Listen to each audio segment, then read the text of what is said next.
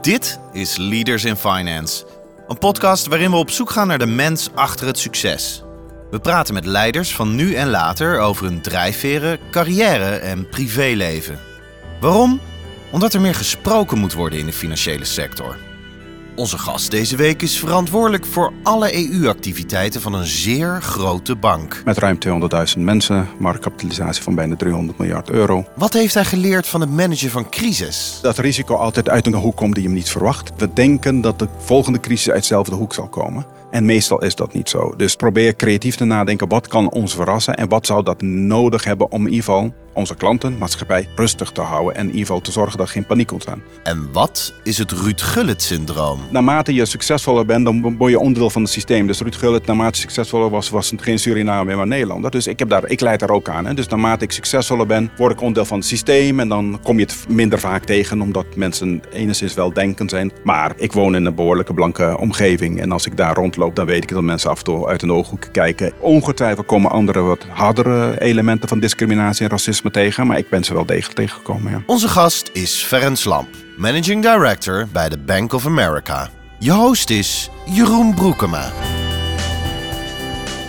Welkom bij een nieuwe aflevering van Leaders in Finance. Deze week is de gast Ferenc Lamp, Managing Director bij Bank of America en verantwoordelijk voor de EU-activiteiten. Welkom Ferenc. Dankjewel. Leuk dat je de tijd neemt om met Leaders in Finance in gesprek te gaan uh, hier in het uh, zonnige Driebergen. Ja. Uh, voordat ik je zal introduceren wil ik graag de partners van Leaders in Finance bedanken voor hun steun. Dat zijn Kayak, EY, Ortjes Berndsen, Executive Search en Roland Berger. Zonder hun steun zou deze podcast niet mogelijk zijn, dus ik ben hen zeer dankbaar.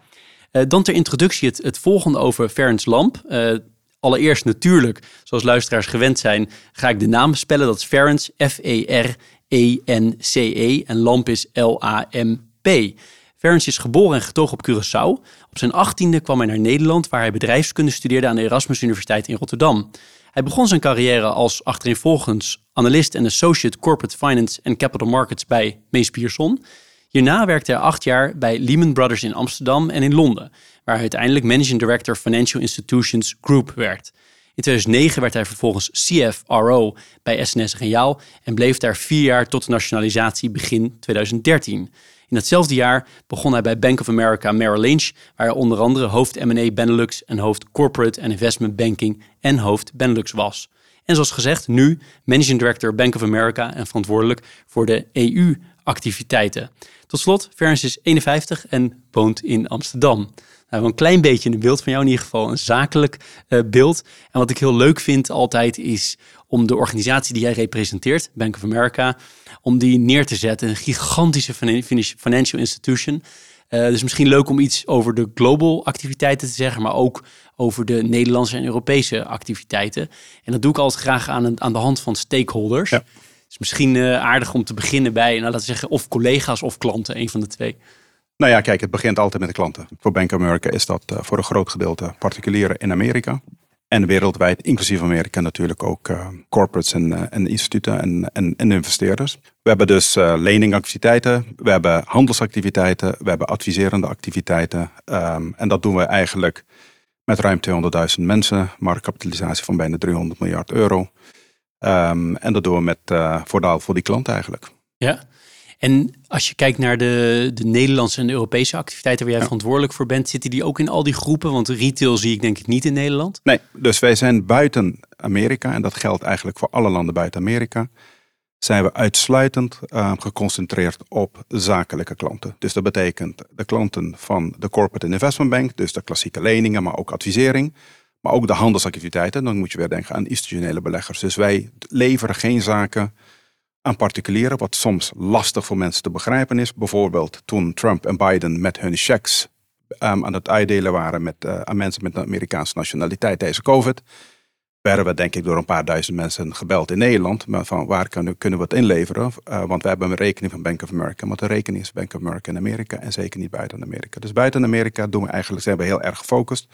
En binnen Amerika zijn we een universele bank en dienen we eigenlijk de gemiddelde Amerikaan, van kleine Amerikanen tot hele grote instellingen.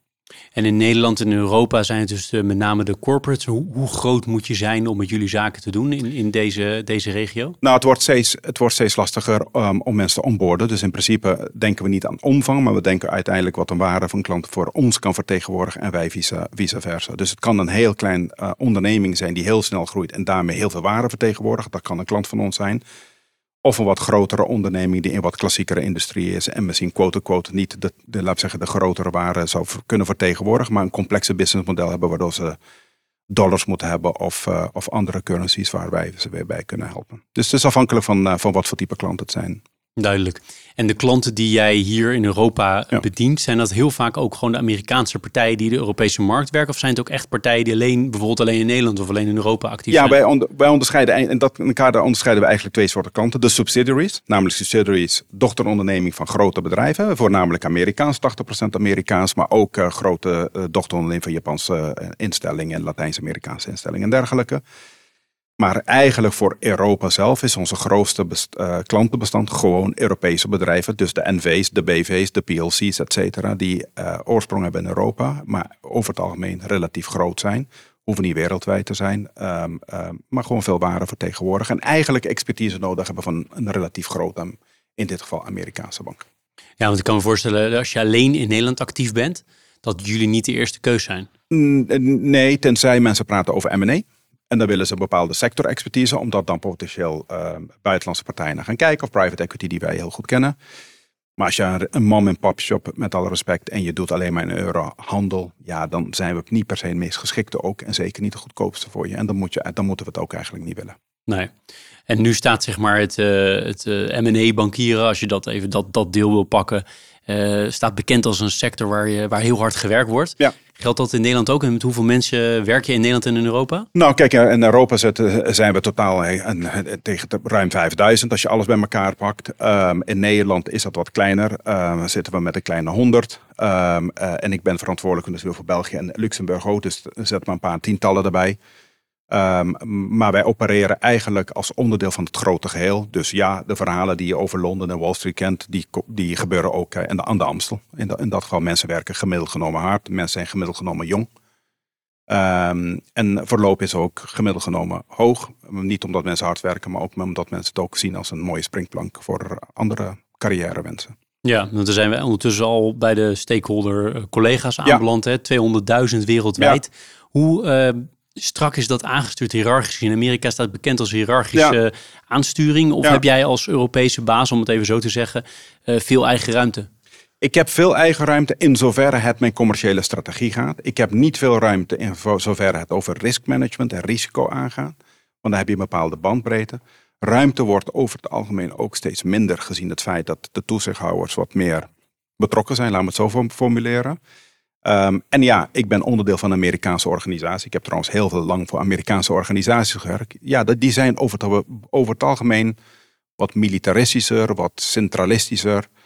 Um, zeker ook hiërarchischer. Um, dus ja, je hebt wel ruimte, maar het is niet zo. Ik, ja, ik blijf natuurlijk elke dag vertegenwoordiger van Bank of America. En ik zal gewoon de mores van Bank of America moeten naleven en ook uh, en zo naar gedragen. Ja.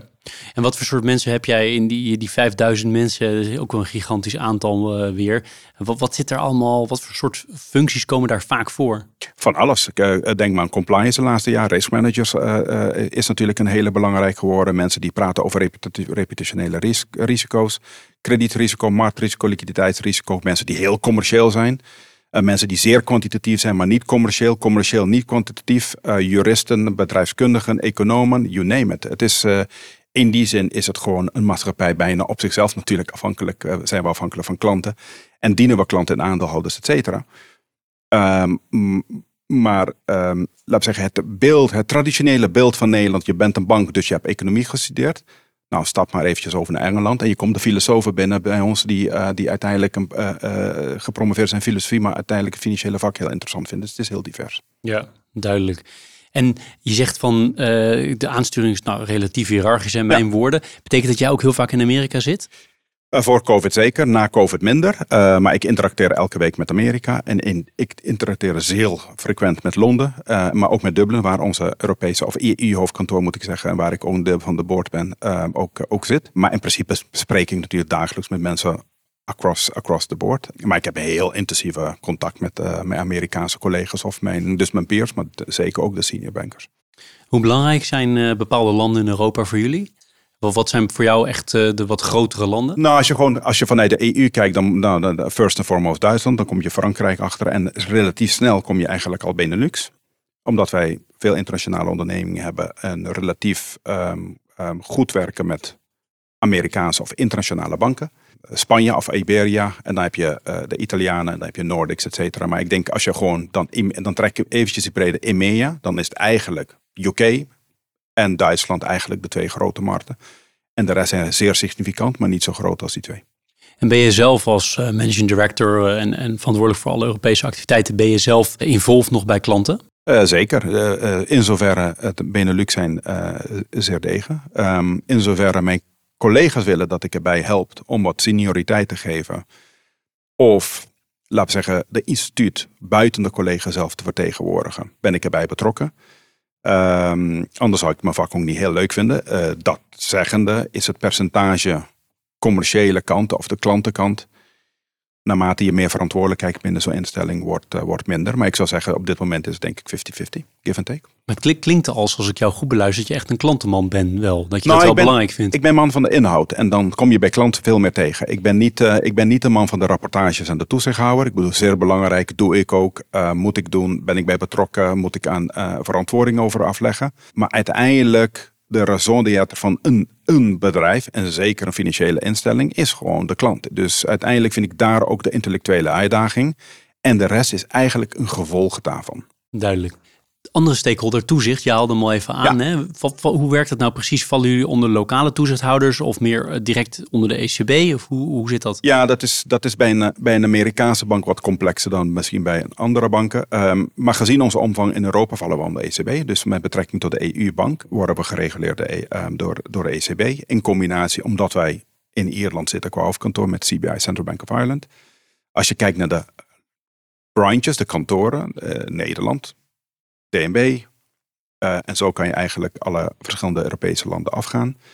Maar we worden natuurlijk ook door de Amerikaanse um, toezichthouder gereguleerd. En die heeft um, indirect een grote impact op ons. Uh, niet direct, want wij zijn niet uh, verantwoording schuldig aan de Fed bijvoorbeeld. Maar mijn aandeelhouder, lees Bank of America, is dat, dat terdege. En uiteindelijk, als we toch praten over hiërarchie en centralistisch, noem maar op, komt hij gewoon keihard, keihard naar binnen. En dat, en dat is ook prima. Uh, dus het is een complexe um, landschap van, van, van toezichthouder. Dan heb je daar de prudentiële, maar je hebt natuurlijk het gedrags, uh, gedragselement. Um, in Engeland de, de, de FCA, Financial Conduct Authorities, hier AFM en, en, zo, en zo ga je doorgaan ook in Europa. Dus het is een relatief ja, complexe set van toezichthouder, maar ook een complexe organisatie in zijn algemeenheid. Ja, dat snap ik. Ik bedoel, het is natuurlijk heel erg gematrixt, neem ik aan. Zeker. Met overal lijnen. En, en, dan heb je natuurlijk de Amerikaanse banken die vanuit Glass-Steagall Act de handelsactiviteiten en bankaire uit elkaar getrokken zijn. Dus dat betekent dus dat mijn handelsactiviteit in Europa valt niet onder Ierland. Dat valt onder een, specia een speciale entiteit. Die is gereguleerd door ECB, maar zit in Frankrijk. Daar zit ik bijvoorbeeld niet in. Want ik zit aan de bankaire kant. Goed dat je van de inhoud houdt. Ja, het is redelijk complex. Ja, ja dat klinkt, uh, klinkt heel complex. Andere stakeholders, want ik ga gewoon mijn lijstje nog even langslopen. Uh, concurrenten, wat zie je als concurrenten? Ja, het is afhankelijk waar je bent. Dus als je bijvoorbeeld praat over Nederland, uh, dan, dan, zijn de grote Nederlandse banken onze klant, maar tegelijk op sommige gebieden onze concurrenten. De, uh, de, andere Amerikaanse banken zijn terdege de grote concurrenten, zou ik zeggen. En dan heb je de rest van de Europese banken, die zeker ook heel actief zijn in Nederland en dus ook onze concurrenten zijn. Maar in principe, ik, ik deel het altijd, nogmaals afhankelijk welke land je zit. Maar in principe heb je lokale concurrenten en je hebt de internationale concurrenten. En Nederland is de lokale concurrenten steeds, quote-unquote, verzwakt vanuit een investment banking, corporate banking perspectief, omdat ze daar niet meer actief zijn. Althans niet even actief als vroeger. Maar de Amerikanen en andere internationale banken juist veel meer. Hebben jullie daarvan geprofiteerd, hè? dat die Nederlandse grootbanken minder actief zijn op het uh, investment banking Ik denk dat de, za de, zakenbanken in zijn algemeenheid daarvan geprofiteerd hebben. En de Amerikanen, gezien onze marktpositie, uh, hebben we daar meer van geprofiteerd. Ja. Dus je hebt echt gezien dat er gewoon hele groepen klanten eigenlijk overstapten naar jullie die, uh, die bij een van de grootbanken niet meer terecht konden? Ja, of, of de grootbanken wilden ze niet meer als klanten hebben, um, gezien de complexiteit. En dan uh, stappen ze inderdaad over. Ja, dat klopt. En tegelijkertijd zeg je, het zijn ook weer onze klanten, die grootbanken. Waar zit dat vooral in? Nou, bijvoorbeeld als ze financiering halen op de kapitaalmarkt, dan zijn we bij betrokken. Als ze grote M&A willen doen, dan zullen ze een, een, een over het algemeen internationale adviseur inhuren. En dat en de ene keer is een concurrent van mij, en de andere keer uh, zijn wij dat zelf. Um, dus dat is verschillend. Um, maar laat ik zeggen, de relaties met de grote lokale instelling zijn cruciaal voor, voor internationale banken. Omdat, omdat je ook onderdeel van het, van het systeem, van het, van het systeem wil, uh, wil worden. En daar zijn ze natuurlijk heel dominant aanwezig. En, en vertegenwoordigen ze het systeem ook. Ja laatste stakeholder die ik heb, maar jij hebt misschien nog andere die ik uh, die nog wil aanstippen, maar is de, de aandeelhouder, de eigenaar. Hoe zit dat precies in elkaar bij eh, Bank of America? Nou ja, god, als je circa 300 miljard bent, dan ben je voor een groot gedeelte in institutionele handen. Um, onze grootste aandeelhouder is Warren Buffett. Um, wel bekend. Um, en en dan, daarna is het eigenlijk gewoon de instituten en de medewerkers krijgen natuurlijk ook aandelen via hun beloningen. Uh, en dat geldt voor alle medewerkers trouwens. Dus dat geldt niet voor, laat ik zeggen, wat mensen denken, alleen degene die bonus krijgen. Maar in principe, als het bedrijf goed krijgen, hebben winstdelingen. En dan krijgen van, uh, van de schoonmaker tot, laat ik zeggen, de managing directors krijgen gewoon aandelen als onderdeel van, van, van hun beloningen. Bij sommige mensen is het heel groot, onderdeel daarvan. En met allemaal toeters en bellen. En bij anderen is dat niet zo groot, omdat ze gewoon hun cash nodig hebben om gewoon van te leven. Um, dus het is, een, ja, het is gewoon echt een daadwerkelijke beursgenoteerde onderneming uh, in een wat uh, kapitalistische structuur, waar je gewoon, en, en zeker Amerika, dus dan ben je eigenlijk gewoon de shareholders, is over het algemeen stakeholder nummer één in de, in de communicatie. De laatste jaren zie je ook, grappig genoeg, de, het, laat zeggen, het Germaanse of het uh, Noord-Europese stakeholder model wel heel harder daar komen. Dus men praat heel veel stakeholder capitalism. Ja, dus het is wel, het is meer, ja, minder is... aandeelhouderswaarde alleen ja, dat of is, het alleen op papier zo? Nee, nee, nee, nee. nee dat, dan word je, dat, kan je, dat kan je heel kort volhouden. Um, en dan word je afgestraft. Aandeelhouden is, is heel belangrijk, maar het is niet zo dominant aanwezig als vroeger. En dat komt door, door ja, uh, ja, befaamde ESG, maar ook alles wat in Amerika op sociaal gebied gebeurt. Want in Europa, als we over ESG praten, praten we voornamelijk over E. In Amerika praten we heel erg over de S. Um, en ik denk collectief gaan we steeds meer over de G moeten praten. Um, um, maar dat, dat zie je dat dat gewoon een gigantische impact heeft gehad. Ja, en dat valt me altijd heel erg op, hè? die E en die S vergelijking die je maakt tussen Europa en, uh, en Amerika. En je zegt even van, hè, G moeten we het veel meer over hebben. Dat vind ik toch wel leuk om even naar te vragen. Daar hebben we het te weinig over? Ja, ik denk het wel. Ik denk als wij praten over, uh, nou praat maar over diversiteit, dan praten we over, heel vaak over de E en de S. Um, maar ik denk ook in je aansturing van je bedrijf en, en, en, en, en dat diversiteit een heel belangrijke impact gaat hebben op G. Um, verantwoording afleggen aan aandeelhouders, maar ook die andere stakeholders middels G wordt een steeds belangrijker. Rapportage, zodat uiteindelijk je stakeholders kunnen, je, je kunnen beoordelen, wordt veel belangrijker. Dat dekt eigenlijk de G af. Dus, dus de E en de, en de S gaan zich uiteindelijk echt manifesteren in de G. En dat moet dan hopelijk wat, tot wat spektakel leiden in de aandeelhoudersvergadering. Of wel daarvoor vergadering we dat TCT gaan noemen. Dit is Leaders in Finance met Jeroen Broekema. Als je kijkt naar jouw uh, lange ervaringen in de financiële wereld en je zit dan nu op deze positie, hè? in deze rol waar je nu zit. Wat, wat, wat vind je nou het mooiste aan? Als je, zolang als ik in de financiële sector heb gezeten, dan kan, en, we weten wat er gebeurd is, dan kan je niet, uh, kijk maar naar mijn cv, heel veel van die bedrijven bestaan geen of bestaan in andere vorm. Dan kan het niet anders zijn dan je aantal crisis hebt meegemaakt. En het, het maakt je bescheiden. En ja, sommige mensen vinden dat mensen die een crisis hebben meegemaakt niet geen rol hebben te vervullen in een bepaalde sector. Nou, ik denk daar juist anders over. En als je nu praat, anno vandaag, en laten we niet vergeten, we komen net uit een COVID-periode. We zien stijgende rentes. We zien eigenlijk paradigma's die, niet, die mensen dachten dat constant was, niet meer constant zijn. Ze zijn trouwens nooit constant, maar uh, naïvelingen, en daar was ik ook een van vroeger, die denken dat het constant is. Um, dan moet je, dat creëert eigenlijk ontzettend veel dynamiek in tak van sport. Dus hoe ga je uiteindelijk met stijgende rente aan? Hoe ga je uiteindelijk om met gebrek aan arbeidskrachten? Hoe ga je om met medewerkers die niet 80 tot 100 uur willen, willen werken zonder dat ze dat echt totale krankzinnigheid vinden.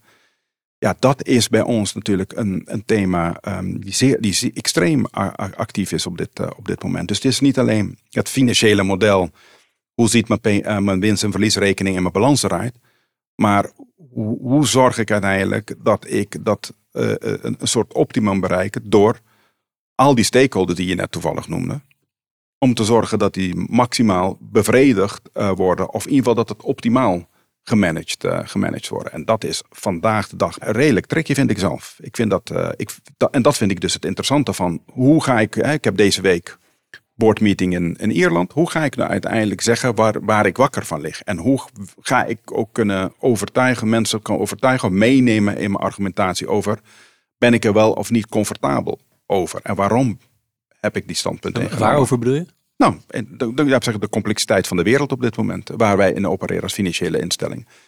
Um, ja, dat is, dat is een hele pluriformiteit aan uitdagingen die ja, toevallig in, in, mijn, in mijn situatie bij mij terechtkomen, samen met mijn collega's. Uh, maar iedereen dat op een micro, micro manier natuurlijk heeft. Ja, dat kan me, kan me voorstellen. Er zitten heel veel interessante zijpaden in van wat jij zegt waar ik in zou willen. Maar ik kies er even twee uit. Mhm. De eerste is van, je hebt een aantal crisis meegemaakt. Uh, bij bedrijven gewerkt die niet meer bestaan, zoals Lehman. Uh, Ja. Lehman heb je het faillissement uh, van, van meegemaakt. Ja. Wat, wat zijn nou dingen die je daaruit hebt geleerd? Want dat is denk ik het meest interessante. Hè? Je zei ook even tussendoor van ik was geen, uh, ik was ook in, in zekere zin een beetje een naïveling. Ja. Dat vind ik dan wel boeiend. Dat trigger je me met beide dingen. Trigger Ja. je me heel erg van, van wat zijn nou die dingen die jij er echt uit hebt gehaald waar je zegt daar kan ik nu echt wat mee in mijn huidige organisatie. Nou, dat absolutisme niet bestaat. Dus toen ik uh, twintig was en net, of uh, in mijn twintig jaren net overstapte naar Lehman, dat was denk ik een paar maanden, misschien weken zelf voor de dotcom-bubble uit elkaar spatten. Ja, toen was ik overtuigd dat het een nieuwe paradigma was. En we gingen, groeien was een constante. We zouden altijd gaan groeien.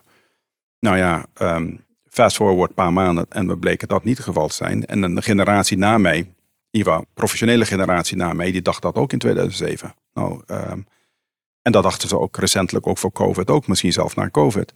Dus dat mensen, dat, dat je niet in absolutismes moet nadenken en opereren. Je zal altijd verrast worden. En dat kan ten positieve of ten negatieve. En ik heb wat grijze haren ondertussen ontwikkeld. Maar dat is, dat is wat, wat ik wel prettig vind aan ouder, CQ, um, weer werk- en leerervaring. Is dat je weet dat je gewoon altijd heel voorzichtig moet zijn met stellingen, stellingen innemen. En natuurlijk kan je van iets overtuigd zijn. Um, maar, maar stellingen, absolute stellingen planeren is echt dommigheid. Alleen als je jong bent weet je dat niet. En godzijdank is ervaring een groot goed en dan ga je daarmee genuanceerd over nadenken. Maar dat is wat ik nu vandaag ook denk van God. We zitten in een wereld, ik bedoel als je een jaar geleden had gezegd dat inflatie boven de 10% zou, zou raken, dan zou iedereen zeggen je bent knetgek. Um, of dat rente omhoog schieten, of dat iemand zegt joh, uh, inflatie is tijdelijk, is dat wel zo? Of rentestijgingen tijdelijk zijn, is dat wel zo? En hoe ga je daar met die onzekerheid uh, um, um, om? En hoe moet je je op voorbereiden op wat er potentieel daarna komt en na nadenken over scenario's? Nou, dat vind, dat vind ik echt heel interessant op dit moment. Ja, dat is heel interessant wat je zegt. En als jij dan tegen jongere collega's of überhaupt andere collega's, het heeft misschien niet altijd met leeftijd te maken, misschien wel, maar hierover hebt van de absolutistische, dat is geen Nederlands absoluut, absolute uitspraken, Ja. dat, dat ligt, ligt moeilijk. Hoe reageert men dan? Eh, Wordt dat, wordt dat aangenomen? Ook bijvoorbeeld toen jij de dotcom had meegemaakt Ja. en toen begon 2007, 2008. Eh, toen dacht jij, jij hield dat best als een, als een optie open. Maar heb je dat mensen dan dat ze jou niet geloven of bracht je het niet naar voren? Um, nou, ik denk dat je op dat moment niet de autoriteit had of de positie had om dat ja, met bepaalde mate van kracht uh, ze om mensen te kunnen over, overtuigen. En nu kan ik dat wel, maar je moet ook oppassen, zeker als je boven de 50 bent, dat je niet ook meteen betiteld wordt dat je wel heel oud bent en dat Ah, allemaal niet 51, begrijpt. Ja, dus dus net 51. uh, nee, maar dan, dan, dan moet je daar maar ook oppassen. Um, de, dus ja, je kan, ik over het algemeen bijvoorbeeld, de, we hebben nu een hele discussie over AI uh, binnen ons bedrijf. En jongere mensen van 27, 28 maken zich echt zorgen over hun vak. Is dat relevant of blijft dat vak überhaupt bestaan? Nou, toen zei ik van god, toen ik ging studeren en uh, klaar was in Amerika met mijn studie, uh, toen was er zoiets die heette internet. En toen zei me iemand ook dat we nooit boeken meer zouden gaan lezen. In ieder geval zeker niet fysieke boeken zouden kopen. Nou, guess what? Of dat mijn baan ook zou verdwijnen, of dat er geen advocaten meer zouden bestaan. Alleen, die zijn, we zijn vergeten dat er een productiviteit element in zat. Um, en dat probeer ik ze ook niet met hun te bespreken. Dus ja, het verandert zeker. Uh, ik heb één collega gehad bij Mees toen ik begon. Die had geen computer op zijn desk. Want dat was toch niet nodig. Want dat was een veredeld typemachine. Nou ja, die heeft geen baan meer daarna. Dat begrijp ik. Dus die, die slachtoffers ga je ook meemaken. Maar je gaat ook natuurlijk een groot deel van de, van de jeugd of jongeren onder de 30 die zich gewoon aanpassen. En dan ontwikkelt er zich wat. Wat het precies? I don't know. maar wel Mooi. iets leuks, ja. Ja, mooi. Mooi optimistisch verhaal en ook een mooi voorbeeld van die computer. Ja, op een bepaald Ja. moment, als je het echt niet wil, dan wordt het natuurlijk wel lastig. Dan wordt het lastig, ja. Ja, dus het absolute, het, het absolute denken heb je het over gehad. Zijn er nog andere dingen uit die crisisperiodes waarvan jij zegt, daar heb ik echt veel van geleerd? Ehm, eh, dat risico altijd uit een, een hoek komt die je niet verwacht. Ehm, en dat is ook meteen, als ik een zijpad, meteen mijn kritiek ook op toezichthouders heel vaak. Het zijn net mensen net als ik hoor. Dus, maar dat we denken dat de volgende crisis uit dezelfde hoek zal komen. En meestal is dat, meestal is dat niet zo. Dus, dus probeer creatief te nadenken. Wat kan ons verrassen? En wat zou dat met zich eh, meebrengen? Of nodig hebben om in ieder geval onze klanten, maatschappij, CQ, tot eh, rustig te houden. En in ieder geval te zorgen dat er geen paniek ontstaat. Maar je hebt natuurlijk een SVB niet lang geleden in Amerika zien, zien ontstaan. En de rol bijvoorbeeld op social media hadden we nooit over nagedacht. Terwijl het redelijk obvious was. Alleen zo obvious dat we met z'n allen niet over nagedacht hadden. Ehm, dus dat, daar, heb ik, eh, daar heb ik ook eh, veel, van, eh, veel van geleerd. Eh, scenario's denken heb ik veel over geleerd. Maar dat komt denk ik door, door hetzelfde trend. En wat ik, ja... Wat ik, wat ik... Wat onderschat wordt, is dat als bedrijven of industrieën of landen in crisis komen, terechtkomen, dat uiteindelijk het maar een heel klein groepje die uiteindelijk zijn mouwen opstroopt en echt aan de bak moet. Dus de, de, de, de, de hele orkaan komt altijd op één, op één punt het land binnenwaarts. Hè? En, en daar moet je wel goede mensen. Dus de, de, de, de belangrijkheid of de rol van goede, kwalitatief goede mensen ten tijde van crisis mag nooit onderschat worden. Dus gewoon de- ja, de, ja, de importantie van gewoon kundige en ervaren mensen die goed en rustig blijven nadenken, whatever happens. Dat is, dat is ongekend belangrijk. Niet te onderschatten belangrijk. Dat is mooi. Heb je er ook nog een voorbeeld van toevallig? Ik vind het heel, heel, heel sterk, eh, krachtig vind ik het, Nou hoe je het verwoordt ook. Nou ja, god, ehm, eh, ehm, de- eh, ik bedoel, mensen weten dat ik bij SNS Reaal heb gewerkt. En, en dan praat ik niet over het einde, maar gewoon het begin. Zaten we gewoon midden in het omvallen van, bijna omvallen van ING toen. Staatssteun Egon. Ehm ABN AMRO was toen voor een groot gedeelte genationaliseerd. IFC speelde het. Iedereen is het ondertussen vergeten. Maar dat je op dat moment een aantal mensen, die, ik, en ik was net nieuw, ehm, in de rol van toekomstige CFO. Want op dat moment was ik nog geen CFO. Maar ik had één jongen op de treasury afdeling, die zit er nog. Ehm, en die altijd heel rustig bleef nadenken. Zeg Verens, je kan je bezighouden met alles, maar liquiditeit op dit moment is het allerbelangrijkste. Dus laten we daarop gaan focussen. En dat iemand gewoon op dat moment een relatief jonge CFO, ehm, ehm, laat ik zeggen, meebrengt in wat echt belangrijk is en waar we echt op moeten focussen. Ja, dat was cruciaal. Uiteindelijk was het achteraf niet nodig, want er gebeurde niet zoveel omdat de overheid had ingegrepen, et cetera, et cetera. Maar het was wel verdomd eh, leerzaam om, te, om dat te realiseren. En hoe kom je aan die echt hele goede mensen? Verzamel jij die ook om je heen? Ja, soms is het een kwestie van geluk hebben. Ehm, dat, je, dat, dat mensen, eh, eh, eh, laat ik zeggen, niet iedereen om me heen heb ik aangenomen of zal ik kunnen aannemen. Dus mensen moeten ook intern groeien. Dus, dus, dus het, soms heb je geluk dat, dat, dat ze daar al zijn. Andere keren heb ik het geluk gehad dat ik mensen gewoon op tijd heb geïdentificeerd. By the way, ik heb ook mensen geïdentificeerd die ik dacht goed waren, het bleek niet goed zijn. Ja, dan moet je andere conclusies mee verbinden. Of aan verbinden. Maar ehm, ehm, jonge mensen meestal snel meer verantwoordelijkheid he- geven. Dat helpt ook. ehm, helpt ook. Dus het is een kwestie van investeren, laat me het zo zeggen. Je moet echt investeren in de relatie van je medewerkers of collega's. Of zelf investeren in jouw relatie met je meerdere, met je bazen of je, of je mentors. En waar selecteer jij mensen op? First and foremost, niet intelligentie. Ehm, ehm, want, Ze moeten niet intelligent zijn. ja, nee, dat, dat niet. Maar dat is, een, dat is bijna een commodity. Ehm, want er zijn heel veel intelligente mensen op, op, eh, op, op, op, op de aarde. Dus, dus dat mensen zeggen, ja, maar je moet intelligent zijn. Gos, eh, weet je, als we allemaal in die functie zitten, dan zijn we meestal wel redelijk intelligent. Maar bij mij is het stamina. Dus discipline, uithoudingsvermogen. En uithoudingsvermogen is niet dat je uitgebuit moet worden, maar dat je onder heel lang onder druk kan werken. Niet dat ik vind dat je mensen altijd onder druk moet zetten, maar als, als if it matters, dan is er altijd druk en altijd langer dan je zou willen. En dat, dat, daar kies ik ook mensen op. Gewoon mensen die gewoon over het algemeen met stress kunnen omgaan en heel goed kunnen eh, performen. Goed Nederlands woord trouwens. ehm, onder, onder, onder behoorlijke druk en een steeds meer toenemende druk. Ehm, dus daar, daar selecteer ik mensen op. Hoe weet je dat? Want als je iemand tegenover je krijgt, ook al doe je vijf rondes, maar uiteindelijk je weet pas of iemand het kan als die echt door, echt, echt door zo'n moment heen moet. Ja, dus bij de deur selecteren is ook, eh, is ook risicovol. Dus dat, dat weet, weet je meestal ook niet. En dan, dan ga je op judgment. En dat is meest, nou niet meestal, maar dat is best wel vaak niet, niet, niet goed. Uh, je, select, je, selecteert uiteindelijk mensen die dicht bij je komen als je een, een als je een periode met ze hebt echt samengewerkt. En dan, trek je ze dichter naar je toe. Dus ik heb genoeg teamleden die van mij die uiteindelijk uh, goed waren. Maar uiteindelijk dacht nou, de, uh, mevrouw A of meneer B is echt heel goed. Die geef ik extra verantwoordelijk en dan haal ik naar me toe. Ja, want uiteindelijk die momenten waar het echt om gaat en er dan staan, hè, even mijn woorden, want dat is wat je dus wat, je, wat je zoekt en dan niet snel opgeven en die stemmen naar hebben om echt door te zetten. Dat zijn denk ik niet heel veel mensen, of zeg ik dat verkeerd? Dat zijn heel weinig mensen. Dat zijn heel weinig. En heel wat voor soort, kun je die mensen stereotyperen of is, dat, is dat gevaarlijk? Nee, meestal weet je geen eens. Meestal, onder, meestal onder, laat ik zeggen, het, het verrast je heel vaak wat voor type mensen het zijn. Um, ja, kijk maar naar tv, naar die, uh, weet je, whatever, Kamp van Koningsbrugge of dergelijke programma. Dan, dan verwacht je meestal niet, de winnaar is niet degene die je van tevoren had verwacht. Uh, dus de afvallers, um, um, om weg te blijven van de afvallers, is niet straightforward. Dat zie je niet heel, heel makkelijk. Dus ja, dat, ik, ik, ik, ja dat, dat doe je als je eenmaal met ze gewerkt hebt en dan denk je, nou, ik denk het wel. Maar of het wel zo is, dat moet nog wel deels blijken. Ja, het is een beetje als je het heel extreem vergelijkt, hè, zou je niet van tevoren kunnen zeggen wie de verzetshelden zijn in een oorlog bijvoorbeeld. Ik alles behalve, wat, alles behalve zouden we nu alleen maar verzetshelden hebben, denk ik. Ja, ja iedereen denkt het natuurlijk wel. Ja, ja, absoluut. Ben je zelf, uh, ik weet het antwoord al, want ik heb me voorbereid. Ben je zelf een harde werker?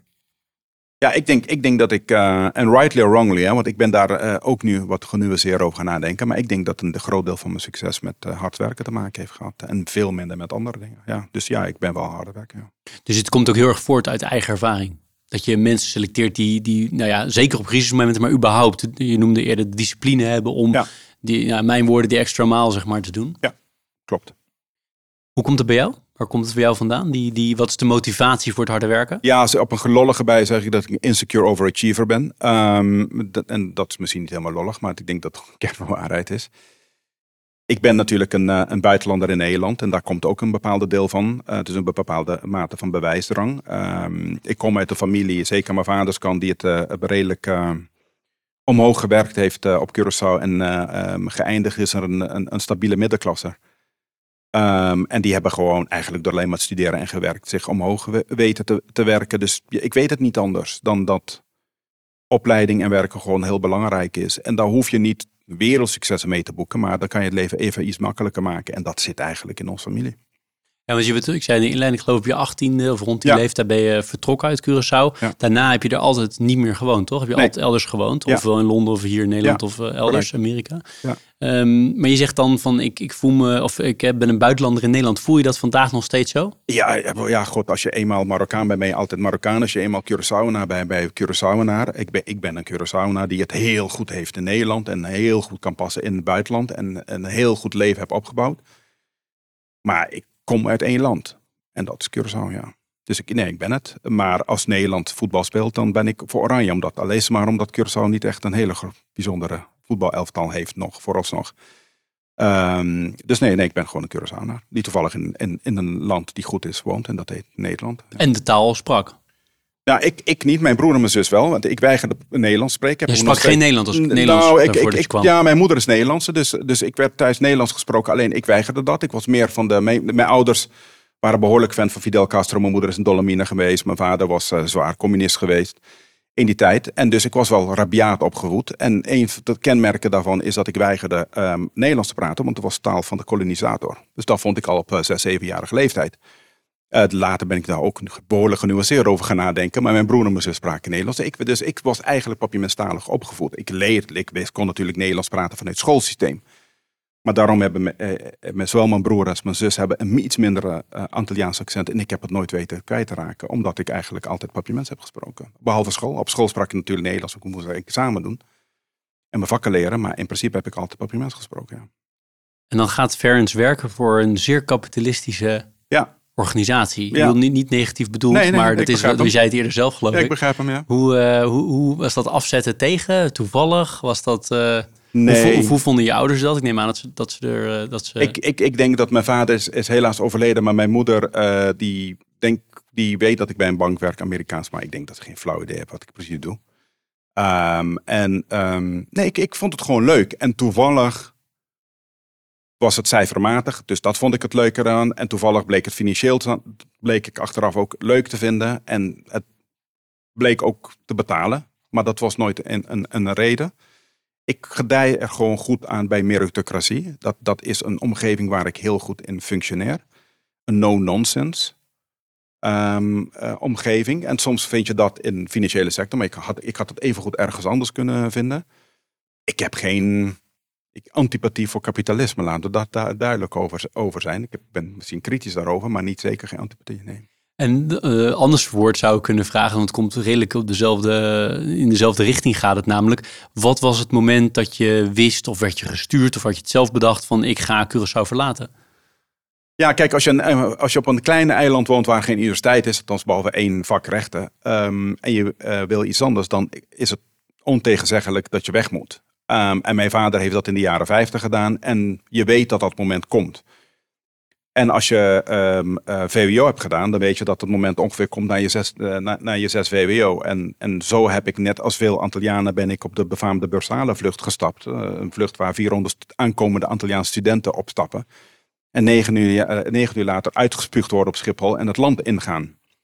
Ja, en dat hebben je weet dat het eraan zou komen. En zo heb ik het gedaan. Ik heb de luxe, mijn broer studeerde toen in Amerika, luxe om daarover na te denken, Nederland of Amerika is op het allerlaatste moment Nederland geworden, omdat mijn zus en, uh, hier studeerde en mijn broer ook uiteindelijk klaar was met zijn bachelor en ook naar Nederland zou gaan. En mijn moeder woonde toen ondertussen weer in Nederland. Was je hier vaak geweest?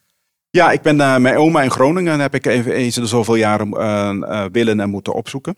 Ehm, dus ik was denk ik eens in de vier jaar in Nederland. En ik ben één jaar voor mijn afstuderen. Dus uh, tijdens mijn vijf VWO ben ik in Nederland, um, laten we gaan rondreizen om uiteindelijk de universiteit en, en het universiteitsleven te bekijken. Voor mijn keuze in die zin had ik iets meer luxe dan mijn gemiddelde eilandgenoten. Want ik heb tenminste Nederland gezien en in Nederland ook, we zeggen, qua universitaire mogelijkheden bekijken. Maar het stond niet, daar stond niet als een paal boven water dat ik naar Nederland zou gaan. Dat is echt een, moment, echt een soort, niet vlaag voor verstand bewijzen, maar het was een ad hoc besluit op dat moment. Ja. Ja, want hoe ben je verder opgegroeid? Want je zei even tussendoor, mijn moeder was al in Nederland. Ja. Je vader was over, is overleden op een zeker moment. Ja. Wil je iets delen over hoe je bent opgegroeid? Ja, zeker. zeker. Ben, mijn, mijn, mijn vader en mijn moeder waren getrouwd in Groningen. Daar zijn twee kinderen uitgekomen. Mijn vader moest en wou terug naar Curaçao. Zes maanden later ben ik geboren, 1971. Want hij was in Nederland dus? Ja, mijn vader heeft in Nederland gestudeerd. Mijn vader heeft zijn tot, van, uh, van zijn zestiende tot zijn 31ste in Nederland gewoond. Om te studeren. Eerst kweekschool, de Pabo ondertussen toen gestudeerd. Uh, een, 15 jaar zijn moeder niet gezien, omdat geld niet was om terug te gaan. In dat periode rond Groningen, eerst in Venlo begonnen, toen naar Groningen. Daar is hij een wilde dolomine tegengekomen. Dat was mijn moeder. Die schopte tegen een beetje adellijke hoek. Um, en uh, die hebben besloten uh, terug te gaan naar Curaçao. Zeker omdat mijn vader de behoefte had om het eiland te weer te helpen opbouwen. En daar ben ik uitgekomen en tot mijn achttiende dag gewoond. Zij zijn denk ik tien jaar nadat ik rond, of rond mijn achtste, negende gescheiden.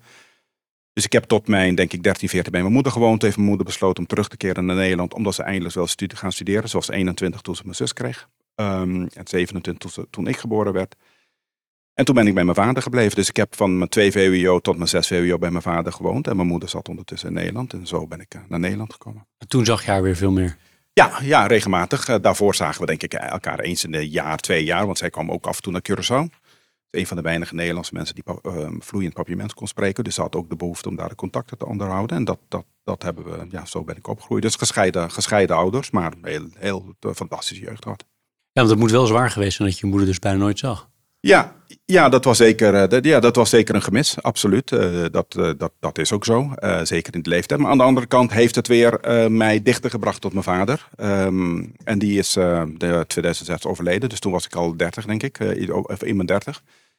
Uh, maar dat, heeft, dat was er weer, laat ik zeggen, de plus en de minus. En het is niet uh, zelfsprekendheid dat bij gescheiden ouders op Curaçao dat je na, dichter tot je vader komt. Dat is een uh, dat maatschappij zit Geen given. Uh... Zonder given op Curaçao. Dus dat, daar, ben ik, daar ben ik wel dankbaar voor. Ja. Kom je nog vaak op Curaçao? Ik kom zeker elke jaar, als het niet waar één is, maar, of misschien zelf vaker, in ieder geval op Dantilles. Soms zit Bonaire, soms Curaçao. Maar ik ga daar regelmatig terug, ja, absoluut. Heb je ook wel eens gedacht van ik ga helemaal terug? Ik ben een paar keer zelf gevraagd om uh, terug te gaan en een rol in binnen het financiële sector te vervullen. Op dat moment kwam het niet uit, omdat ik uh, jonge kinderen had uh, in Nederland of kinderen die naar school gingen. En dat, dat, dat paste toen op dat moment nog niet. En ik was nog niet quote-unquote klaar met laten we zeggen, de westerse samenleving of in ieder geval de wat grotere omgeving. Maar zie je het jezelf nog wel eens doen? Denk je, ik, sluit het zeker niet uit. ik sluit het zeker niet uit. Nee, absoluut. Ook zakelijk? Zakelijk of iets voor het eiland doen. Het, uh, het, uh, wij zijn opgegroeid met het adagium, een, ja, dat is niet ander, wat anders geworden omdat we allemaal ouder worden. Maar een derde van je leven moet je leren, een derde moet je geld verdienen, werken en de een en derde moet je ongeveer teruggeven. Nou, dat, dat fase komt er wel langzamer aan dan hier. Ja. Je luistert naar Leaders in Finance met Jeroen Broekema. Ik las in de voorbereiding dat je ook wel dingen hebt geschreven, ik geloof op LinkedIn of elders. Eh, ik las ook een artikel, een interview met jou, dat je een heel duidelijk visie hebt op discriminatie. En dat je zelf ook wel met discriminatie te maken hebt gehad, misschien nog steeds, dat weet ik niet. Kan je daar iets over delen?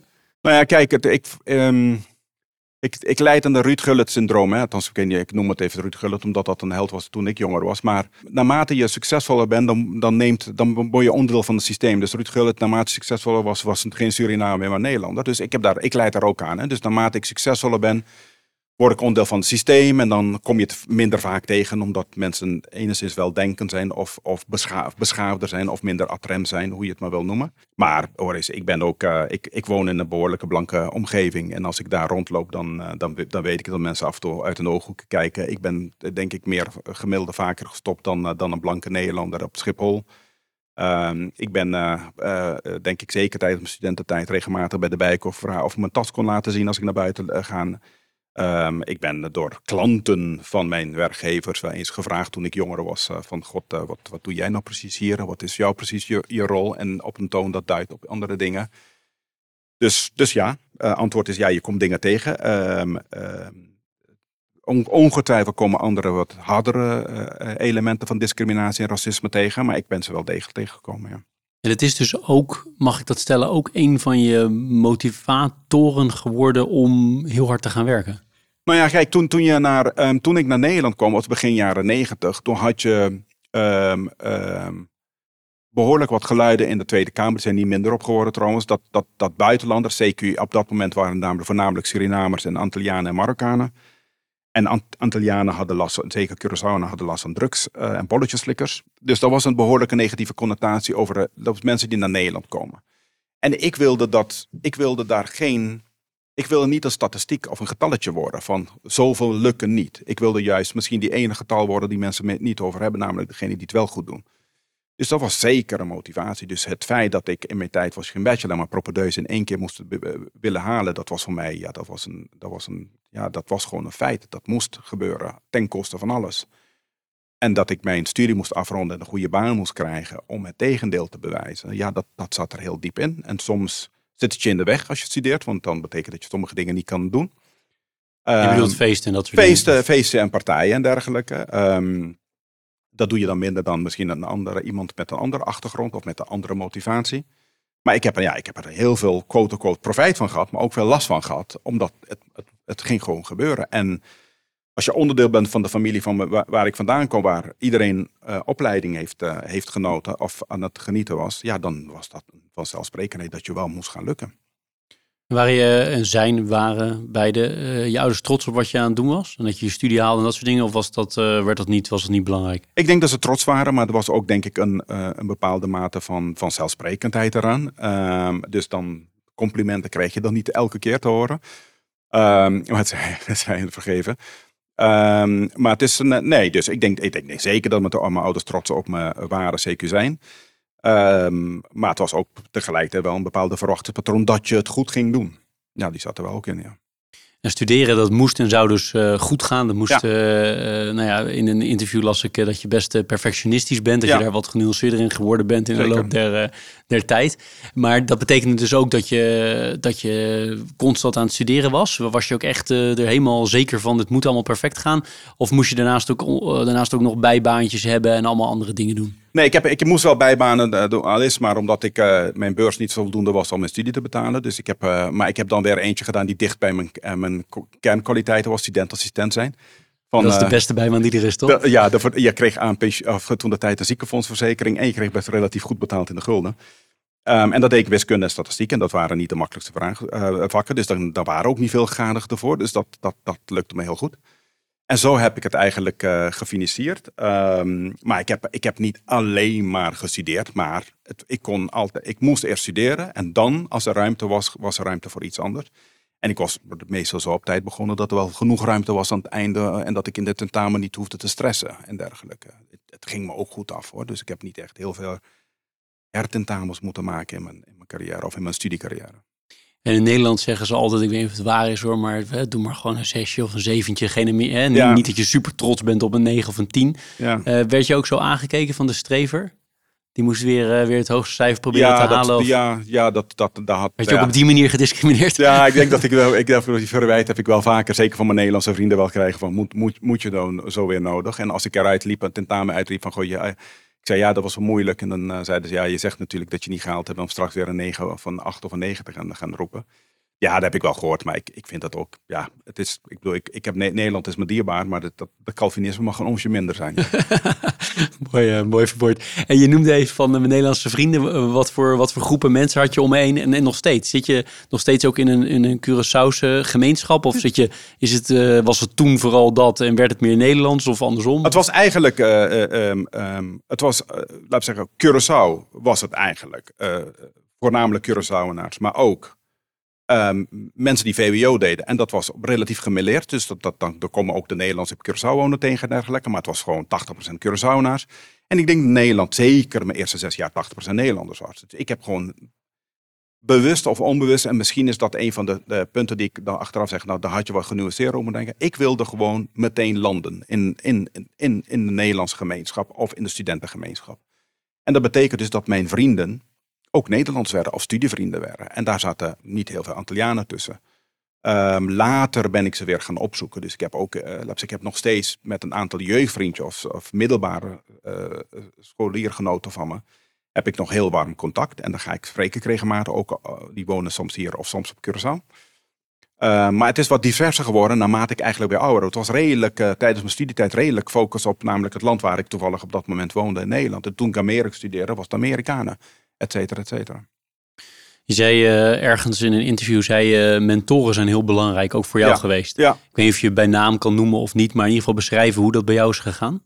Nou kijk, je moet on- um, in mijn geval moet je ontdekt worden. Eh, Eerst je komt een interview en dergelijke, maar iemand moet je ontdekken. En iemand moet zeggen, ja, dat is, dat is een getalenteerde um, persoon die hier en daar bijgeschaafd moet worden. Um, en bij Mees Pierson heb ik daar een aantal gehad, maar twee, uh, Bob Elfring, die werkt nog steeds, en, en Maarten van Berkel, die zijn vervolgens naar Lehman Brothers verhuisd. En dan ben ik eigenlijk in een slipstream uh, gegaan. En ik heb met Maarten tot en met uh, einde van Lehman gewerkt. En Bob Elfring ben ik later bij Bank of America weer tegengekomen. En die mensen waren gewoon heel belangrijk voor mijn carrière. Uh, en vooral ook omdat ze mij heel veel leerden, maar ook maar niet, we zeggen, niet per se altijd in de weg stonden. Ze gaven me ook heel veel vrijheid. Dus ik ben, um, als ik hun niet was tegengekomen, had ik misschien andere mensen tegengekomen. Dat weet ik niet. Maar ik wil ook niet onderschatten het belang van mentoren. En dat zeg ik altijd heel vaak tegen studenten. En zeker studenten met een niet-westerse achtergrond. Onderschat niet de rol van mentor. Want mensen denken net als ik misschien. Als je heel hard studeert, heel hard werkt, dan val je altijd op. Ja, iemand moet dat wel oppakken. En dat zijn meestal mentoren. En jij bepaalt niet wanneer je ze tegenkomt. Zij komen je gewoon je pad op. En dan moet je natuurlijk wel schakelen. Ja, mooi. Want je hebt nooit actief gezegd dat deze mensen die je net noemde, dat het jouw mentoren waren waarschijnlijk. Nee. Het was gewoon zo, het liep zo. Het liep zo. Ze gunden het jou. Dus ze gunden me en ze Ja. namen, uh, laat ik zeggen, onder de arm. En, en zo gingen we verder. En ik deed, ik moest natuurlijk 80, 90 uur voor ze werken. Dus in die zin voor hun heel buitengewoon prettig. Maar ik deed het wel, omdat, omdat het ook mentoren waren. Ja. Ja, het is grappig hè, want eh, 135 of zoiets interviews, dit komt bijna altijd terug. Namelijk, mensen zeggen vaak, iemand moest het in mij zien. Ja. Die zag van, hé, hey, deze uh, mevrouw of meneer is getalenteerd en er zit nog veel meer in. Ja. Misschien wel precies zoals jij mooi verwoord, hè. Er moet nog wat uh, hier en daar nog wat bijgeschaafd Zeker, worden. zeker. Dus en wat was hetgene wat bij jou het belangrijkste was wat bijgeschaafd moest worden? Ja, ik weet niet of ik succesvol zijn geweest, maar uh, directheid. Um, um, bepaalde mate van ongenuanceerd zijn in je, in je mening. Um, dus ik ben redelijk binair. Um, um, en nu iets minder dan vroeger, maar zeker. Um, en eigenlijk mensen die niet mee konden relatief snel afschrijven. Dus de kamp van winners en losers, daar geloofde ik heel erg in. Maar het is, als het goed gaat, is het natuurlijk heel makkelijk om dan de rest tot losers te be, uh, betitelen. En later merk je dat het leven nog echt genuanceerder wordt. En dan kom je zelf tegenvallen tegen. Of mensen dicht om je omgeving. Of zogenaamde winners komen ook uh, klappen tegen. En dan denk je, nou, het, is wat, uh, het, is, het leven is echt genuance, veel genuanceerder. Um, ja, dan. Ja, dat is interessant. Wat ik wel in lijn hiervan wel heel interessant vond, is dat jij aan de ene kant heel erg, en dat heb je niet gezegd nu, maar dat heb ik gelezen, Ja. heel erg benadrukt van, eh, ja, heel veel dingen is toch gewoon geluk ook. Ja. En tegelijkertijd benadruk je overal eh, discipline en de kracht van hard werken. En je moet gewoon, hè, wat, wat veel van eh, mijn stelling is altijd bij die 135 leiders die ik heb gesproken, bijna echt across the board, volgens mij 99,9% of, of allemaal, hebben in ieder geval in een begintijd van hun carrière echt ongelooflijk veel uur gemaakt en Ja. heel hard gewerkt. Dus ik vind het wel interessant bij jou om te vragen naar geluk is heel belangrijk, zeg je. En tegelijkertijd is heel hard werken belangrijk. Dus waar zit jij op het spectrum van wat kan ik zelf beïnvloeden en wat kan ik zelf niet beïnvloeden? Nou kijk, ehm, ehm, hard werken betekent niet automatisch dat je succesvol zal zijn. Maar de combinatie hard werken en geluk betekent hoogstwaarschijnlijk dat je succesvol zal worden. Ehm, geluk alleen maar hebben, ja, dat kan, en je kan succesvol zijn, maar dan ben je ook eens in de casino geweest. Maar als je niet hard hebt gewerkt, ga je hem ook niet, eh, gaat het ook niet werken. Dus, dus die combinatie is ook heel relevant. Ehm, ehm, maar als je me vraagt, God, waar, eindigt het zelf, je wereld, je wereld of je de werkelijkheid creëren en dat werkelijkheid je overkomt, dat we- weet ik niet precies. Maar ik geloof wel dat als je niet de eerste, nou zeg 30 jaar van je leven, ongetwijfeld vinden mensen dat nu te lang, maar de eerste, nou zeg 25 jaar van je leven, van het, van het moment dat je vijf bent ongeveer, heel veel wil leren. En dat kan zich uiten op de duur ook in hard werken om te willen leren. Als je dat niet hebt gedaan, ja, forget it. Dan gaat het, je niet gewoon, gaat het gewoon niet, niet gebeuren. Tenzij je zo'n supertalent bent. En daar zijn er, er zijn een aantal. Maar die zijn zo verdomd weinig dat je statistisch verwaarloosbaar zijn. Dus ja, ik en die talenten zullen zelf overigens altijd zeggen dat ze ook kaart gewerkt hebben. Ab- absoluut, absoluut. Dus ik denk niet dat er eh, mensen zijn die succesvol zijn. En succes hoef, kan je eh, echt op verschillende manieren meten. Die niet zullen zeggen dat ze ergens along the way een behoorlijke opoffering hebben gemaakt. Is dat karakter van die mensen? Is het eh, context of is het, kan je het ook gewoon beslissen? Ik ga heel hard werken. Ik denk dat je het, alle, het kan alle drie zijn. Het kan, het kan nature zijn, het kan nurture zijn. Ja, het, het, het, het kan allemaal. En bij jou? Ehm, nou, als ik dan naar mijn eh, Antilliaanse vrienden van vroeger kijk, dan zal het niet ehm, de omgeving zijn geweest. Want dan zou ik nu iets anders aan het doen zijn. Ehm, nee, ik, denk, ik denk dat het gewoon in mijn, in het gezin zat. En, en ergens heb ik de klap van de molen gekregen, waardoor ik eh, ontzettend mezelf wilde bewijzen. En, en waardoor ik een bepaalde drang heb ont, eh, ontwikkeld. Ja. Ja, want die bewijsdrang die zorgt natuurlijk voor een enorme hoeveelheid onderliggende energie. Hè? Dat kan Ja. me voorstellen. Ja. Je- ja. Is het ten koste gegaan van veel dingen? Of misschien nog steeds, weet ik nou, niet. ja, zeker. Het is dan ten koste gegaan van vriendschappen. Ehm, eh, waarbij je mensen moest teleurstellen omdat je zei, ja, sorry, eh, ik ga weer niet een, weer een afspraak moeten afzeggen. Of ik kom, eh, ik, eh, ik, ik heb geen tijd eventjes nu om vakantie met jou te, eh, te spenderen. Want ik eh, vind op dat moment mijn gezin veel belangrijker. Omdat ik nooit de tijd heb om met mijn gezin te zijn. Het heeft mij een zeker een huwelijk gekost. Ehm, het heeft, eh, eh, denk ik, af en toe eh, misschien zelf impact gehad op gezondheid. Of nou, niet mental well-being, maar close to. Ik heb nooit een burn-out gehad. Het zal- niet in me inzitten, denk ik. Maar ik heb wel heel veel druk gehad. Waardoor ik, denk ik, eh, sommige banen minder leuk ben gaan vinden dan ik ze eigenlijk had kunnen vinden als het normaal was. Dus ja, ik denk ook, ja, ik heb ook wel mijn eh, krasjes opgelopen, denk ik. Maar was het de druk die je jezelf oplegde of de druk die van de organisatie kwam? Of Be- bij- beide, beide, beide, Ook druk omdat ik een talent was dat men zegt, hij doet het wel. En af en toe wilde je dan toch wel een advies hebben. En dan was de persoon die, die jou de verantwoordelijkheid geven er niet. Omdat hij vertrouwde dat het allemaal goed ging. Ja, en dan komt het op jou betreft. En als je in de financiële sector met miljarden moet omgaan. Of het nou namens een klant is of van, van, van jezelf bij wijze van spreken. Of in ieder geval van de zaak wat je op dat moment vertegenwoordigt. Ja, dat, dat kan heel veel druk eh, met zich meebrengen. Nou, best hoge verwachtingen van jezelf. En, en mensen hadden dus ook nog hoge verwachtingen van je. Ja, Ja, ja, dat, doet natuurlijk wel wat met je. Ja, zeker. Eh, Ja, ja. zeker. En je zegt je, eh, dat je kinderen hebt. Heb je hen heel anders opgevoed dan dat jij bent opgevoed? Nou, ik heb in ieder geval mijn kinderen gezegd dat mijn liefde onvoorwaardelijk is. Dus het, het idee dat het te maken had met wat ze zouden doen, of wie ze zouden worden, of welke studies ze hebben gedaan, daar, daar ben ik heel snel van afgestapt. Eh, want die druk wil, hoeft, hoefde voor mij, voor mij niet. Dus, dus ik denk dat ik vooral daarin heb, eh, eh, laat ik zeggen, een, een, laat zeggen, dat heb bijgebracht heb. Ehm, ja, en verder heb ik ze vooral heel veel liefde gegeven en onvoorwaardelijkheid. Dus, en, en ze hebben voor, laat zeggen, het voordeel dat ze overal kunnen studeren en ze hoeven daar geen zorgen te maken, want er zijn gewoon middelen om dat te kunnen en mogelijkheden om dat te kunnen. Maar in principe heb ik wel gegeven, het, het is niet wat je gaat doen of dat je gelukkig maakt of voor mij relevant is. I don't care. Als je maar passie daarin hebt, eh, eh, de- hebt en daarin stopt. Ja. Ik nog even terug naar een paar uh, zakelijke Ja. dingen, ook met een teaser en een pleaser. Maar eerst was ik nog even heel nieuwsgierig. Dat moment dat eh, Lehman Brothers, ik switch even heel Ja, snel hoor, zeker. sorry, maar Nee, nee. Ehm, dat moment dat Lehman Brothers eh, failliet gaat, dat is echt een moment wat de historie is ingegaan. En je kent de bekende foto's. ja, ja. Jij was erbij. ja, zeker. Hoe was dat? Ja, Armageddon eh, gevoel. Eh, wat komt er hierna? Eh, want we, iedereen definieert Lehman en dat is begrijpelijk. Maar daarvoor had je Bear Stearns, wat ook niet een kleintje was. En een aantal andere akkefietjes. Maar Lehman was defining omdat op dat moment eigenlijk iedereen, iedereen was technisch failliet. Hè, dus alle banken waren technisch failliet tenzij ze overheid gingen steunen.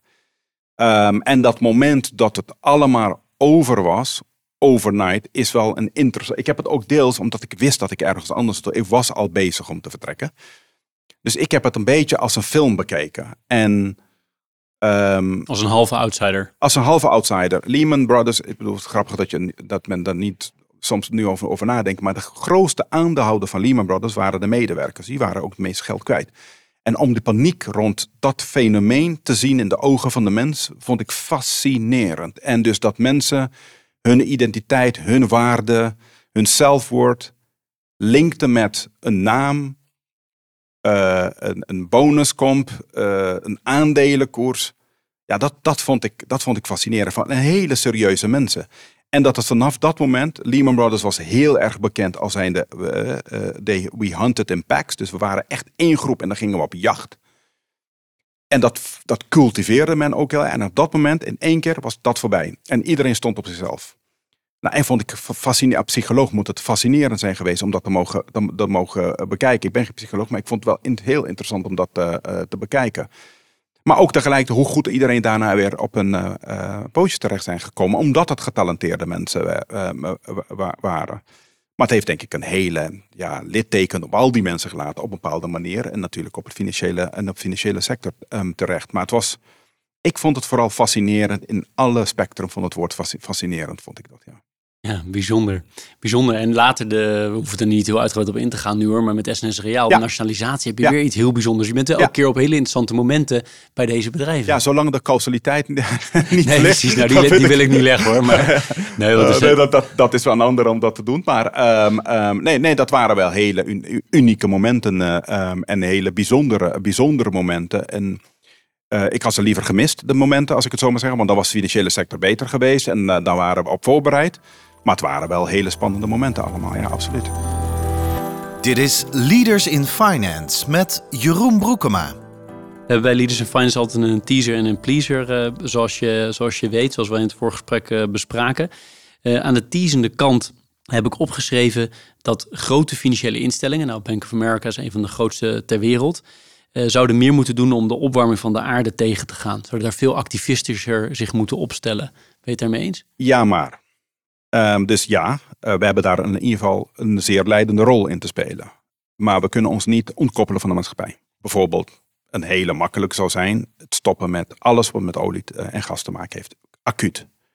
Nou ja, god, we moeten maar een paar maanden in het verleden uh, gaan om te weten wat dat zou betekenen als plotseling dat we massaal met elkaar zouden stoppen.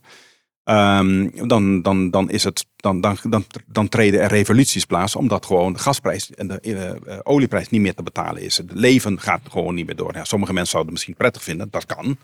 Maar ik denk als maatschappij dat het niet realistisch is. Maar tegelijkertijd, als je dan niet dwingt partijen om de transitie aan te gaan van bruin naar groen, ja, dan moet je als financiële sector, en zeker een grote bank, moet je heel dwingend en bepalend zijn. En dan moet je zeggen, als je niet een een transitieplan op tafel legt die um, gepaard gaat met een sense of urgency en ook een sense of realisme. Ja, als dat niet, daar niet is en het is niet credible, ja, dan doen we dan gewoon geen zaken met elkaar en dan zoek je het maar uit. Dus ik denk dat ze daar, dus ja, maar er zijn, we kunnen ons niet volledig koppelen aan, aan, aan, aan, aan de maatschappij. We kunnen ons ook niet ontkoppelen aan gewoon risico's die mensen dan lopen. En die dan, on, eh, laten we zeggen, een gigantische impact op de maatschappij kunnen hebben, die we met allen misschien ook niet willen. Daarmee ontken ik niet het hele grote klimaatproblematiek, want dat is volgens mij probleem nummer 1, 2, 3, 4 en 5 uh, op dit moment. Ja, hoe is dat intern georganiseerd? Hè? Want ik kan me voorstellen dat jullie doen zaken in, uh, ik weet het niet hoor, ja. maar ik kan me voorstellen, een beetje elk land ter wereld. Ja. Uh, dus totaal andere culturen, andere opvattingen. Ja. Voor het ene land is misschien, of voor binnen een land heb je weer enorme verschillen. Kijk maar naar Amerika. Ja. Dus, dus is, daar, is daar veel discussie over intern? Want ik kan voor de. Europese afdeling van jou er weer anders naar kijken dan de, de, de, de gemiddelde Republikeinse medewerker van Bank of America. Ja, nou, gigantisch. Nou, gigantisch. Kijk, het, het, het wordt voor een groot gedeelte natuurlijk wel bepaald door leiding. Hè? Dus, dus onze CEO, Brian Moynihan, is bekend dat hij een van de eerste CEO van een groot Amerikaanse bedrijf begon te praten over sustainability. Ze heeft met eh, toen Prins Charles, nu koning Charles, eh, de Sustainability Initi- Initiative opgericht en, en is daar heel loud en clear. En sustainability en over, over social, dus de ESG weer. De social gaat bijvoorbeeld in Amerika ook over water, wapenverkoop en dergelijke. En zal je niet ver- eh, verrassen dat ik schat dat 50% van de, eh, eh, eh, mijn Amerikaanse collega's eh democraten zijn en 50% republikeins. Dus men, dus men zal niet altijd over alles met elkaar eens zijn. Maar hij heeft daar wel stelling in genomen, ehm, gesteund door, door aandeelhouders. Maar er zullen een aantal aandeelhouders die ook kritisch zijn. Je gaat te snel, je moet even oppassen. Ehm, oh, je wil geen olie en gas meer financieren. Is niet wat we zeggen trouwens, maar ehm, eh, dan zegt een, een staat nou dan doen we geen zaken met elkaar, omdat wij afhankelijk zijn van olie en gas, et cetera. Dus het is een hele, hele lastige landschap om te manoeuvreren. Maar je zal stand, een stellingname en standpunt in moeten. En dat heeft hij aan, aange- aangedurfd. Dus dus dat is een, bij ons een heel aanwezig debat. De ECB, bekend, doet eh, stresstest op klimaat. Nou, dat betekent dat wij dat moeten gaan uitvoeren. Maar dan moeten we dus ook de hele organisatie, dus lees de hele organisatie inclusief de parent, meenemen in dat proces. Want dat kan iets betekenen voor ze in Amerika. En dat er iets in Europa is plotseling standaard wordt voor een hele organisatie die eigenlijk voor een groot gedeelte eh, eh, gelinkt is naar de Amerikaanse toezichthouder. En hoe ga je daarmee om? Dus het is een debat die, die, die zijn weerga niet kent op dit, eh, op dit moment. Ik denk dat elke dag op mijn portemonnee of op mijn, eh, op mijn bureau ligt. Ja. En wij voelen dat ook in de, de business die we, hoe we de business uitvoeren. Maar we zijn ook nog niet, want we hebben de wijze niet in pacht. Hoe, hoe doe je dit allemaal? Hoe ga je van A naar B om überhaupt om tot Z te komen? Dus dat is ook een leerervaring. Maar toch, als ik jou zo naar jou Ja. kijk, dat kunnen luisteraars niet zien. Maar volgens mij heb je weer een klein beetje hetzelfde als bij Liemen, maar dan totaal anders. Maar dat je het ook wel weer heel boeiend vindt om dit schouwspel te zien. Hoe dit Ja. enorme complexe, complexe debat, maar ook Ja. complexe machtsstructuren tussen allemaal verschillende, om dat is gaande te slaan. Dat is een, een, een, ja, een, een verandering van paradigma's. Hè? Dus, dus het, het, een manier van zaken doen, of een manier van denken over risico's, of over klanten, of over business, wat goed is of niet goed is. Ehm, dat, dat, wordt nu, dat wordt nu gewoon, dat, dat wordt nu uitgevonden of niet uitgevonden, maar dat speelt zich nu af. En waar komen we, rijden die tunnel eh, in? Wat, wat is daarna? En hoe, hoe gaan we daarna opereren? En is het veel anders of juist niet? Ja, mindboggling inter- interessant vind ik dat. Mooi, Ja. prachtig hoe je het verwoordt. Aan de pleasende kant eh, heb je een bepaald boek of boeken die jou eh, erg hebben aangesproken of die jou op dit moment bezighouden.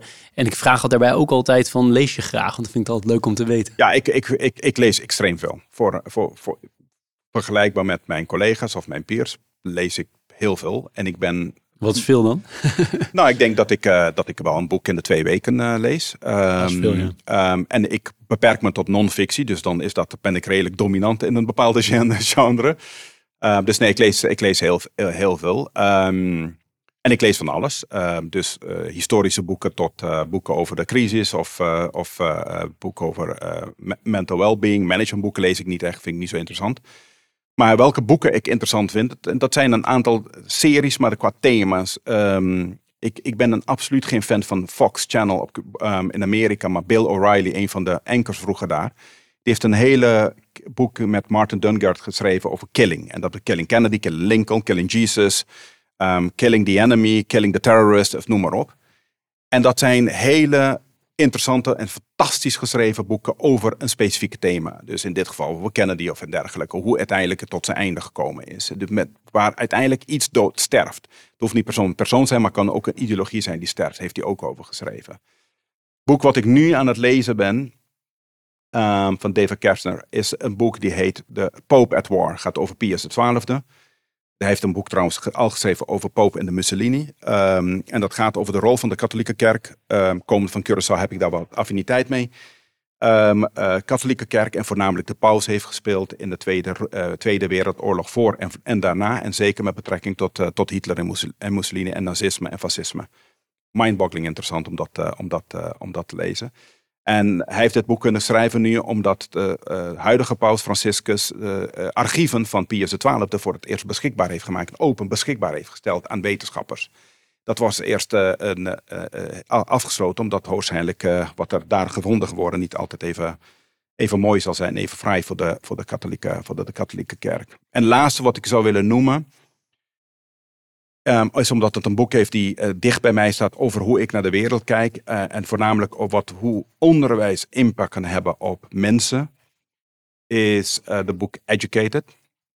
Um, van Tara um, Westhover, dacht ik dat haar naam was.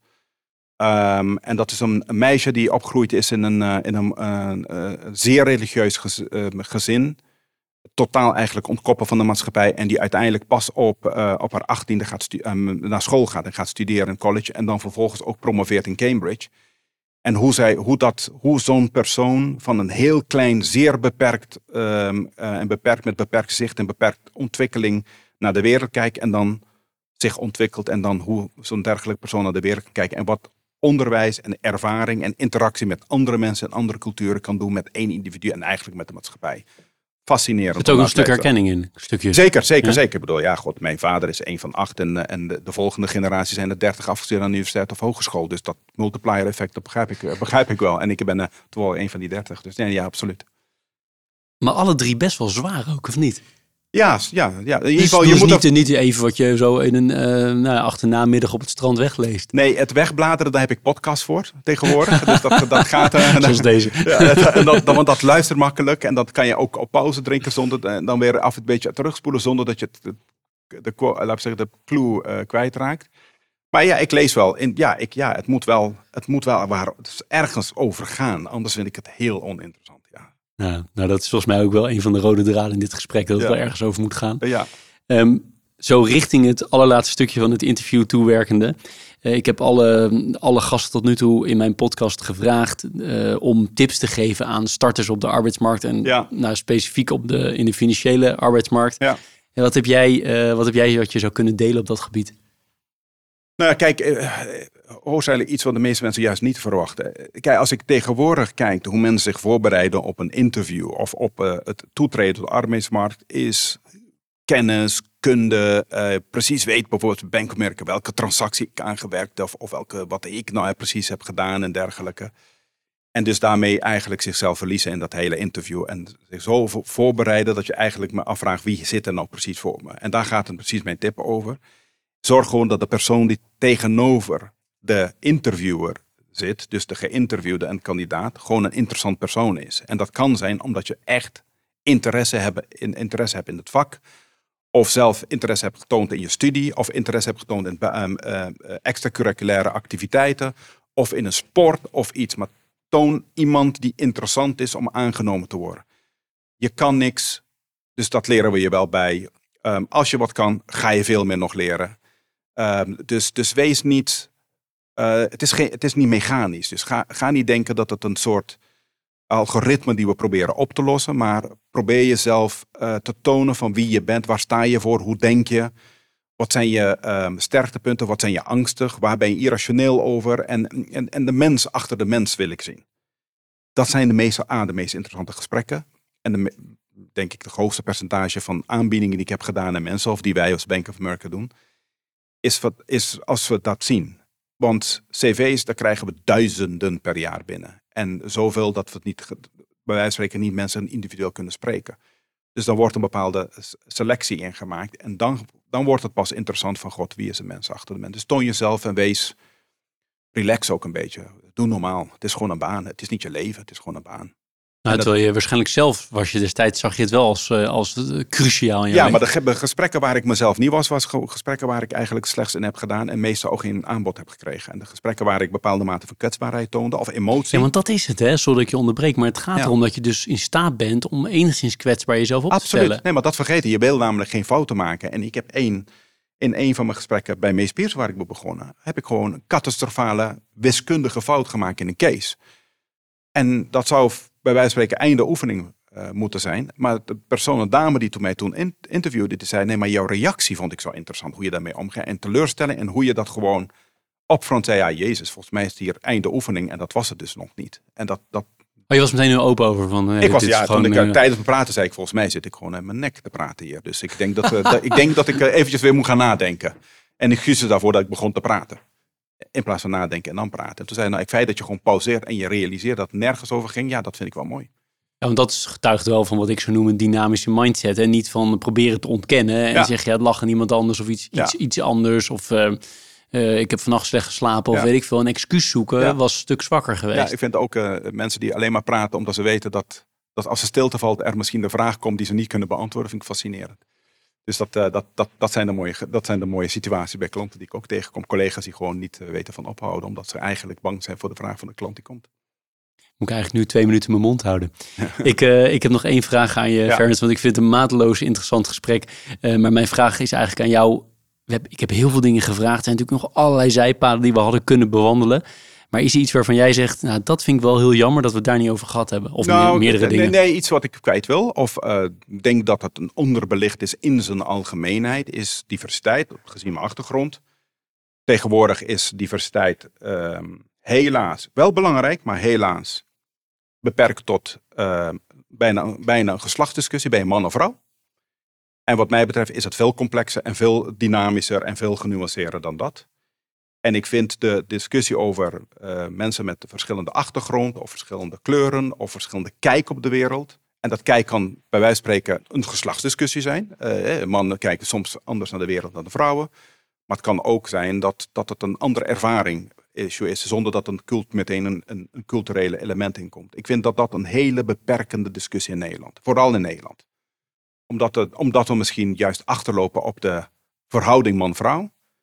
En misschien is het een tijdelijke inhaalslag wat we moeten doen. Maar ik vind het eh, voor een land die eigenlijk kolonies heeft en pracht gaat op eh, liberalisme en, eh, en toleranties en dergelijke, wel een hele, hele eenvoudige en simpele discussie. Over het algemeen met mensen die relatief slim zijn. Zie je jezelf daar nog ook actief veel mee doen? Behalve dit uit is al heel belangrijk hè, als Nou, rolmodel. Ja, ik, ik uit het vaak. Ik probeer tijd aan te besteden, maar ik wil niet meteen op de bok gaan als een vertegenwoordiger van. Eh eh, fairness is veel breder dan diversiteit of eh, westers versus niet-westerse Nederlanders discussie, et cetera, et cetera. Dus dat- dat- het is net zo'n beetje als je vrouw bent, op de bok gaan staan voor de vrouwenzaak is altijd belangrijk, maar het is ook complex. Want iedereen zegt meteen, ja natuurlijk, ja jij, et cetera. Maar ik heb er wel discussie over in, de, in laat zeggen, als ik raden van besturen tegenkom of evenementen waar ik kom, waar mensen dat duiden. Ja, hou toch op met dat. Hoeveel vrouwen heb je nodig in de Raad van Commissarissen? We zitten in een knee-jerk reactie. Ik begrijp het. We gaan namelijk van de ene situatie waarbij het beschamend laag percentage was van, van man-vrouw. In ieder geval van vrouw binnen de populatie. Dus het is een, laat oversteken van de rivier. Dat snap ik wel. Ik, dat begrijp ik ook wel. Maar het is wel heel, heel simpel en heel beperkt. En alsof we, als we dat hebben gedaan, oh, dan zijn we daar. Nou, dan beginnen we pas, want dan komt de rest nog. Ja, mooi. Ferens, ik wil je heel hartelijk bedanken. Dankjewel. Wat ik al zei, eh, we kunnen altijd nog, hadden nog heel veel meer kunnen doen. Dat besef ik me heel erg. Dat gevoel heb ik ook heel sterk in dit gesprek. Maar ik vond het waanzinnig interessant. En fantastisch hoe je erover vertelt. En ook hoe je van privé naar werk en weer teruggaat. En hoe je al die punten met veel, heel veel energie. En, eh, en, en, en ja, mooi, mooi hoe je het allemaal verwoordt. Prachtig. Ik wijs er nu naar. Ik heb zo een eh, bedankje voor je. Dankjewel. En nogmaals, heel fijn dat je bij Leaders in Finance te gast wilde zijn. Ja, heel, dankjewel. Dankjewel voor de uitnodiging. Dit was Leaders in Finance. We hopen dat je deze aflevering met veel plezier hebt beluisterd. We stellen je feedback erg op prijs. Wat houdt je bezig en over wie wil je meer horen? Laat het weten via een Google of Apple review. Dat kan ook direct via een e-mail of via onze social media kanalen. We kunnen het enorm waarderen als je dat doet. Tot slot danken we onze partners voor hun steun. Dat zijn Kayak, EY, Otjes Berndsen Executive Search en Roland Berger. Bedankt voor het luisteren.